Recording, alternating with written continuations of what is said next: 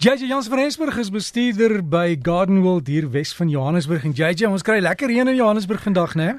Môre môre Derek, ja nee, vraggie, so moet ek vanoggend vroeg wakker word en die weer reën so toe toe word ek sommer lekkerder wakker, jy weet, ek word sommer met 'n glimlag wakker. Ja, en die plante groei net beter as dit reënwater is. Ja, daar's 'n enorme verskil tussen reënwater en kraanwater. Jy kan net die twee nie met mekaar vergelyk nie. En tuiniers weet, uh as jy kyk en as jy die verskil sien hoe jou reënwater eintlik jou plante aktiveer. Want soos jou reën val, tel hy verskillende chemikalieë op in die lug en dit aktiveer eintlik jou plante om vinniger te groei. En dit is wat maak dat reënwater soveel beter is as gewone kraanwater.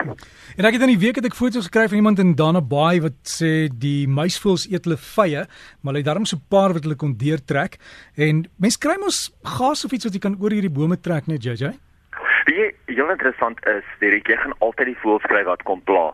En meeste ouens wat van hulle natuur net so baie soos van hulle vye hou, sal vir jou sê, probeer eerder om so 'n derde of so van die boom eenkant te los of oop te los. Moenie hom ook toe trek met die ja. voël net nie. Trek 2/3 toe vir jou en jou gesin en jou familie en wat ook al, maar daai laaste derde, los hom oop sodat die voëls wel ook iets het om te eet.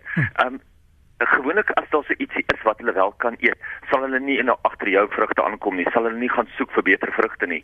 So soos jy voel net oor die boom trek, trek hom maar so toe dat daar altyd so 'n punt uitsteek. Dan Amanda van Kareda het gesê dat sy het 'n avokado boom en die avokados val af lank voor hulle bruikbaar is. Wat kan 'n mens doen? Hier, dan moet 'n rede wees hoekom die boom die vrugte speen. En gewoonlik is dit een van twee redes. Gewoonlik is dit of 'n tekort in die boom self of gewoonlik is dit 'n wortelvrot. So ongelukkig ja, avokados kry baie maklik fungusse en daarsou kan 'n mens jou boom darm nog behandel teen wortelvrot. Ehm um, daar's 'n produk wat Mycoguard wat nog hulle heel maklik jy nou sommer in die hande te kry wat ons gebruik daarvoor. Maar dan gewoonlik met jou avokados, die grootste tekort by avokados is yster en sink. Nou sink is bietjie moeiliker om te kry want op veral op die kleinhandelmark kry mense nie regtig sink apart nie, maar dit kan 'n mens gewoonlik in jou formulasies van oplosbare kunsmis of bemestingsstowwe kan jy dit kry. Maar die yster kan 'n mens redelik maklik kan 'n mens kry en dit is genoem ysterkilaat of ystergelaat. Dit kan 'n mens eenvoudig vat in 'n gieter aanmaak. Ja, daai yster los wel op in 'n gieter aanmaak en om die boom strooi of op die boom uitwater. Nou baie mense sal vir jou sê hulle kap sommer spykers in hulle bome en soos hy roes gee hy hom yster. Nou ja, dit werk ook. Maar ons verkies om nie die boom seer te maak nie. Ons verkies om nie noodwendig nou 'n wond te maak en die boom vol spykers te kap as daar so 'n beter alternatief is nie. So sterkte vir daai ene, dis 'n baie moeilike een om op te los, maar probeer maar. En selfs ook, ek weet mense sê altyd hulle gooi hulle Engelse sout ook om die abous en dan help dit ook baie om die vrugte te hou. So selfs ook 'n bietjie Engelse sout, magnesium, ehm um, magnesium sulfaat, jammer kan jy ook dan om die plante gooi en dit sal ook seker maak dat hy sy vrugte hou. En suurlemoene wat nie wil dra nie, suurlemoenbome? Suurlemoenbome wat nie wil dra nie. Kyk, sekere dit dit vat omtrent so 3 jaar vir 'n suurlemoen om te begin dra. Maar as jou boom al sê 5 jaar of so oud is en hy dra nie, dan moet jy weet daar's so 'n voeding tekort. Nou jou Engelse sout help weer baie daar, maar toevallig as jy jou voeding reg hierdie jaar reg doen, behoort hy vir jou baie mooi te dra. En een van hulle is natuurlik gewone ou kan, KAN, wat ons altyd op ons grasberg gooi. As jy hom elke 6 weke om die plant gooi totdat hy begin blom, dan uh, swaai hy oor na organiese 315 toe vir terwyl hy blom en vir terwyl hy vrugte dra en dan daarna kan jy weer kan gooi. Maar dis basies die enigste rede hoekom 'n suurlemoen nie sal dra nie, is as hy of te jonk is of as hy nie die regte voedingsstowwe kry nie. En dan 'n ou azalia hierdie tyd van die jaar, hoe versorg mense hom, JJ? Kyk jy azalias, jy moet onthou jy azalias um, blom op laas jaar se groei. So uh, jy moet nie net noodwendig elke jaar al die takke gaan wegsny nie. As jy dit hierdie jaar sou wou terugsny, kyk azalias sny mens mos maar redelik hard terug dan kom hy nou weer terug en hy blom nou weer vir jou in die volgende lente. So hierdie keer gaan hy teen teen nie vir jou so mooi blom hierdie lente soos volgende lente nie, maar ek sal hom in elk geval 'n bietjie teruggesny, ehm um, hier en daar van daai takke heeltemal afgehaal het om nuwe groei van die basis af te promoveer en dan behoort hy vir jou ten minste nuwe blomme te maak en nuwe groei te maak. Jy weet sodat jy nuwe blomme in die volgende seisoen of so gaan hê. En jy het dan laas net gou die die Kaap as jy nou daar in die droogtegebiede is, hoe besluit jy watter plante moet jy red of probeer red en watter moet jy laat gaan? Jo, Derek, dis 'n baie moeilike een daai. Jy weet baie baie plante is sentimenteel, uh baie plante um het mense net baie meer voor betaal as ander.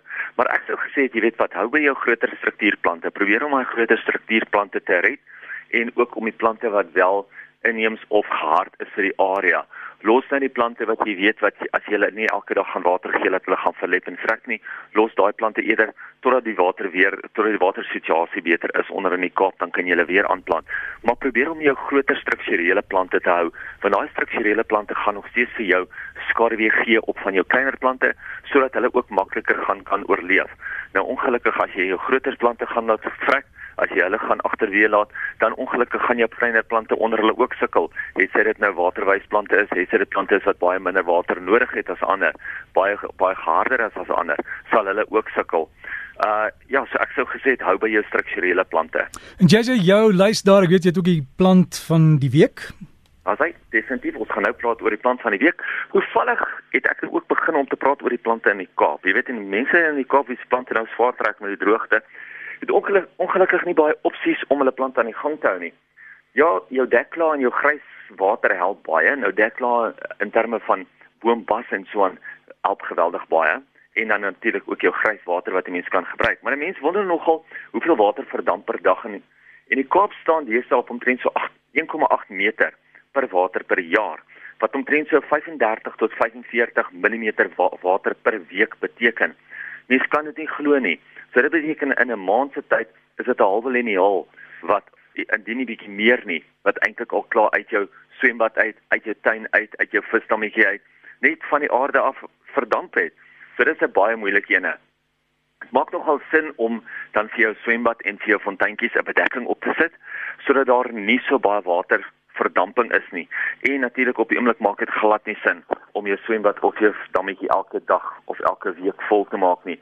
Met daai hoeveelheid water wat hulle verloor en 'n bietjie water wat op die oomblik daaronder beskikbaar is, dink ek mense moet regtig baie baie versigtig wees met hulle waterwerk en baie slimmer met hulle waterwerk. Ek weet in baie dorpe en baie stede is dit wet en ek dink dit is ook eintlik wet in die Kaap dat 'n mens nie op die oomblik 'n swembad enigstens mag hê sonder 'n bedekking nie. En dit sê net vir jou hoekom 'n mens daardie bedekking moet op op hê. Soveel keer gebeur dit ook as dat 'n mens 'n sloot naby 'n boom moet grou. En 'n mens weet nie altyd watter wortels kan afgesny word en watter wortels moet bly nie. Dit is nou maar so dat jy nie net alles onwillekeurig kan afsny nie.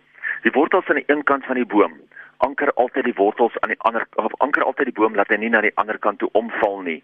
So as jy byvoorbeeld die, die wortels op die ooste kant van die boom afsny, gaan die boom baie maklik na die weste kant toe kan omval. Maar die wortels aan die ooste kant voer weer meer van die plant aan die ooste kant. So, daai wortels aan daai kant van die plant voer nou weer daai plant. So as jy sien maar hoorie so, ek het 'n paar wortels afgesny. Hoe lyk dit? Lyk my boom asof hy enigstens geaffekteer is? Kyk na daai kant van die van die plant en kyk of hy terugvrek, kyk of die blare afgaan, kyk of hy enigstens seer gekry het. Maar onthou, probeer maar altyd om nie al die wortels af te kap nie. Jy weet want ongelukkig ja, die probleem is daarso dat bome baie maklik kan omval. Jy jy vat sy anker weg en onthou bome het nie penwortels nie. Baie baie selde kry jy dat 'n boom 'n penwortel het. Baie selde kry jy dat die boom homself loodreg af onder toe anker. Hy anker hom kant toe en dit is gewoonlik 'n baie sterker anker vir die boom. En as jy net daai wortels gaan afkap, as jy besproeiing moet insit, as jy pipe moet insit, as jy 'n muur moet bou, dan gaan jy probleme hê dat jy ongelukkig daai boom gaan verloor. En hy gaan val na die kant toe wat jy gewoonlik nie wil hê hy moet val nie. So gepraat van wortels, ons praat ook gereeld oor die behandeling van bome en struike met kunsmis en ander sistemiese produkte. Nou ongelukkig wat baie mense nie in gedagte hou nie, is dat die belangrike wortels altyd op die druplyn van die plant gebaseer is. So as jy kyk na die buiterand van die plant, die druplyn van die plant, is waar meeste van die wortels altyd gebaseer is. En dit is altyd die haarwortels wat daar op die punte sit. En die haarwortels is die fynere haarwortels wat meer belangrik is omdat dit die absorberende wortel is wat dan deur die draadwortels, deur die bywortels en die sywortels na die moederplant toe gevoer word. So onthou, as jy plante behandel, moenie reg rondom die stam gooi nie. Moenie daai fout maak nie, want jy gaan alles wat jy daar gooi, gaan jy verloor. Jy sê dit kos, water, of uh enige chemiese produkte is.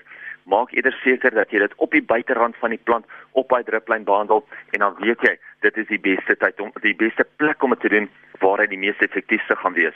Die plant van die week vir hierdie week is 'n Buxus microphylla of variety japonica green beauty. So gaan vra net by jou plaaslike kwekery vir die Buxus green beauty. Nou, ek het so 2, 3 weke terug het ek gepraat oor die Buxus. Het ek vir die mense vinnig vertel van die Buxus en dit was die Buxus Falkner geweest. Maar die green beauty is 'n donkergroen Buxus Dis 'n immergroen plant. Hy groei natuurlik so tot tot met 'n meter hoog by 'n meter wyd. Jy kan hom snoei net soos jy wil. Maar wat hom anders maak as die ander bakses variëteite, is dat daai nuwe groei altyd so koper kleur op die punte kry in die kouer maande van die jaar. So as dit lekker koud word, gaan jy daai koper buitekant van die plant kry en onthou dis 'n baie geharde plant wat hou van die volson. So as jy ergens 'n kleinerige ronde natuurlike vormplant soek of as jy iets soek wat jy in 'n mooi heining kan sny, gaan kyk uit vir die Buxus Green Beauty. Dirk, ek hoop almal het 'n lekker week en ek hoop regtig hierdie reënweer wat ons hier bo in die in die in die Hoëveld kry, beweeg nou 'n bietjie af Kaapse kant toe. Hulle het 'n droop brood nodig. Ons sê baie dankie Jason, ek het pas daai foto van die Buxus daar op die Breakfast Facebook bladsy ook geplaas. So mense kan hom daar gaan kyk. Lekker naweek en mag julle baie reën kry. Sal dit dan. Bye bye. Bye bye.